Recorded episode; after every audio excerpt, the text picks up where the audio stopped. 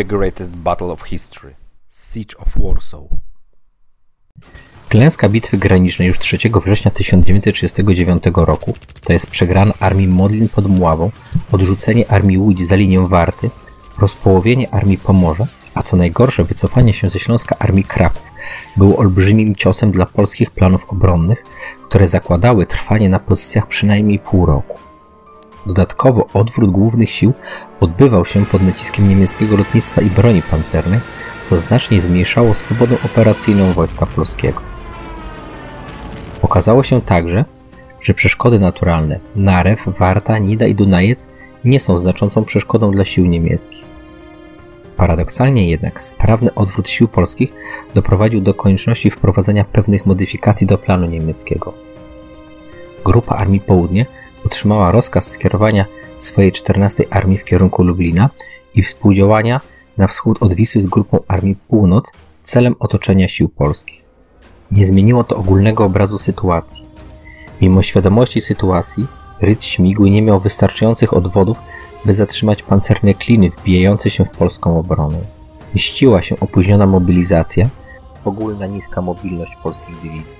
Od dnia 5 września 1930 roku w miarę zorganizowany odwrót wojsk polskich zmienia się w niezorganizowaną i bezładną ucieczkę. Większość armii polskich po zwinięciu obrony rozpoczęła odwrót w kierunku Warszawy. Tempo niemieckiego natarcia uniemożliwiło także prawidłową koncentrację i ześrodkowanie odwodowej armii Prusy, która ruszyła do przeciwnatarcia podzielona na dwie duże części. Niemniej w dniach 4-6 września armia Prusy poniosła klęskę, a pod jej wrażeniem Rydz Śmigły wydał rozkaz do odwrotu.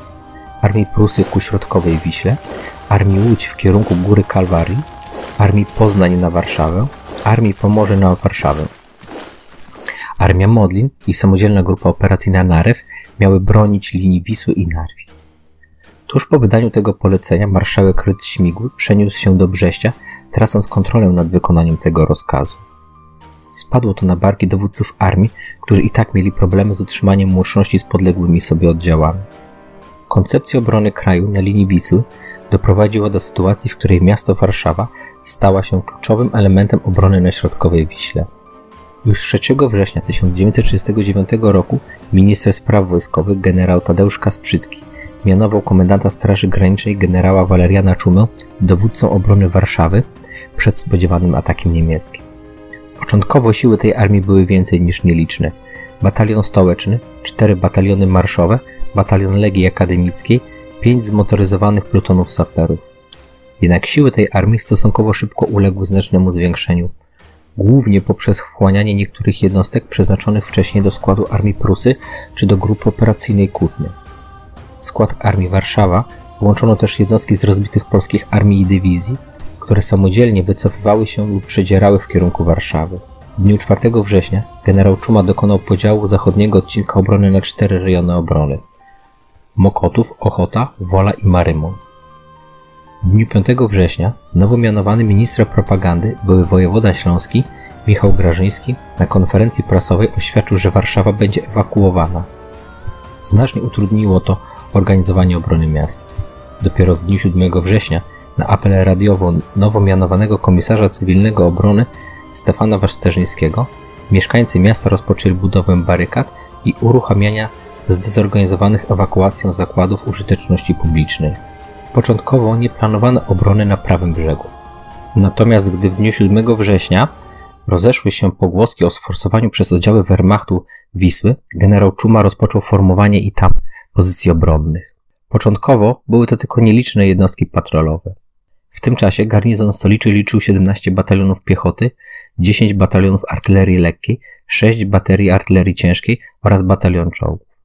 Na odcinku południowym i zachodnim rozstawiono 8 batalionów piechoty i prawie całą artylerię. W dniu 8 września niemiecka pierwsza dywizja pancerna z 16 korpusu generała Ericha Hepnera podeszła pod górę Kalwarię. Natomiast czwarta dywizja pancerna pod dowództwem generała y, Georga Reinhardta podeszła pod Warszawę. Siły te podjęły próbę opanowania miasta z marszu. Około godziny 17.20 artyleria niemiecka rozlokowana w Raszynie i na Okęciu rozpoczęła ostrzał miasta. Do tego dziewięć niemieckich czołgów wynożyło się z zabudowań Okęcia i ruszyło w kierunku centrum. Przywitał ich ogień polskich działów Pepans pod dowództwem pułkownika Porbita. W wyniku polskiego ognia uszkodzone zostały trzy czołgi, reszta wycofała się. Niemcy nadali oficjalny komunikat o zdobyciu miasta. Dlatego niepowodzenie tego ataku było dla nich prestiżowym ciosem. Niemiecka artyleria rozpoczęła nocny ostrzał miasta, który wywołał na mieszkańcach duże wrażenie. Następnego dnia, to jest 9 września, czwarta dywizja pancerna ugrupowała się w okolicach Rakowic w dwóch kierunku, kierunkach na wolę i ochotę. Główny punkt ciężkości skierowany był na ulicę Żwirki i Wigury. Siły niemieckie zostały podzielone na dwie grupy. Prawą nacierał 35 Pułk Czołgów i 12 Pułk Strzelców Zmotoryzowanych, lewą 36 Pułk Czołgów i 33 Pułk Piechoty Zmotoryzowanej. Siły te miały wsparcie artylerii i lotnictwa. Natomiast w kierunku woli nacierał pułk SS Leibstandarte Adolf Hitler. Po stronie polskiej w Ogroniu grupowały się 40 Pułk Obrony Lwowa oraz elementy 41 Pułku Strzelców Suwalskich. Po świcie niemiecka artyleria rozpoczęła ostrzał pozycji obrońców. Jednak tym razem strona polska odpowiedziała ogniem ciężkiej artylerii, która obłożyła e, ogniem posuwające się pancerne kolumny. Fale czołgów, użytowane gęsto w głąb, atakowały wzdłuż ulicy Grujeckiej, wprost na pozycję 41 Pułku Piechoty. Kolejna kolumna niemiecka uderzyła wzdłuż ulicy Żwirki i Wigury. Jednak siły niemieckie zostały zatrzymane. Tego dnia walki toczyły się także na Woli. Lewoskrzydłowe elementy czwartej Panzerdivision uderzyły przez Włochy na Wolę. Nie udało się jednak Niemcom osiągnąć powodzenia. Około godziny 10 generał Reinhardt w obliczu znacznych strat nakazał odwrót. Sytuację tę wykorzystał pułkownik Porwit, który ruszył do przeciw natarcia i do końca dnia odzyskał utracone w wyniku walk pozycje. Generał Reinhardt nie zdecydował się na kolejny atak, zaś następnego dnia cały 16 Korpus Pancerny został wycofany i skierowany na pole bitwy nad Bzurą. W chwili, gdy do stolicy dotarł dowódca Armii Łódź generał Rummel, powierzono mu dowództwo formowanej Armii Warszawa. W jej skład miały wchodzić jednostki Armii Łódź, Armii Modlin i grupy kawalerii generała Andersa. Powierzono tej armii działanie na liniach wewnętrznych w okolicach stolicy, a zwłaszcza wsparcie armii Poznań i Pomorze nad Bzurą. Niestety generał Rumel nie spełnił pokładane w nim, w nim nadziei. Nie wsparł walczących samotnie nad Bzurą polskich armii, co miało fatalne konsekwencje dla dalszych losów wojny obronnej Polski. Generał Czuma zreorganizował system dowodzenia, który podzielił na odcinki. Warszawa Zachód pod dowództwem pułkownika Mariana Porwita, liczący 35 tysięcy żołnierzy, i Warszawa Wschód pod dowództwem generała Juliusza Zulafa, liczący około 40 tysięcy żołnierzy. W dniach 19-22 września przez Puszczę Kampinowską przebiły się do Warszawy resztki sił Armii Poznań i Pomorze. Były to Wielkopolska i Pomorska Brygada Kawalerii oraz 15 i 25 Dywizja Piechoty. Weszły one w skład garnizonu miasta Warszawy. Pierścień okrążenia wokół stolicy zamknął się już 13 września, gdy czołowe jednostki III Armii nawiązały bezpośredni kontakt z oddziałami 10 Armii.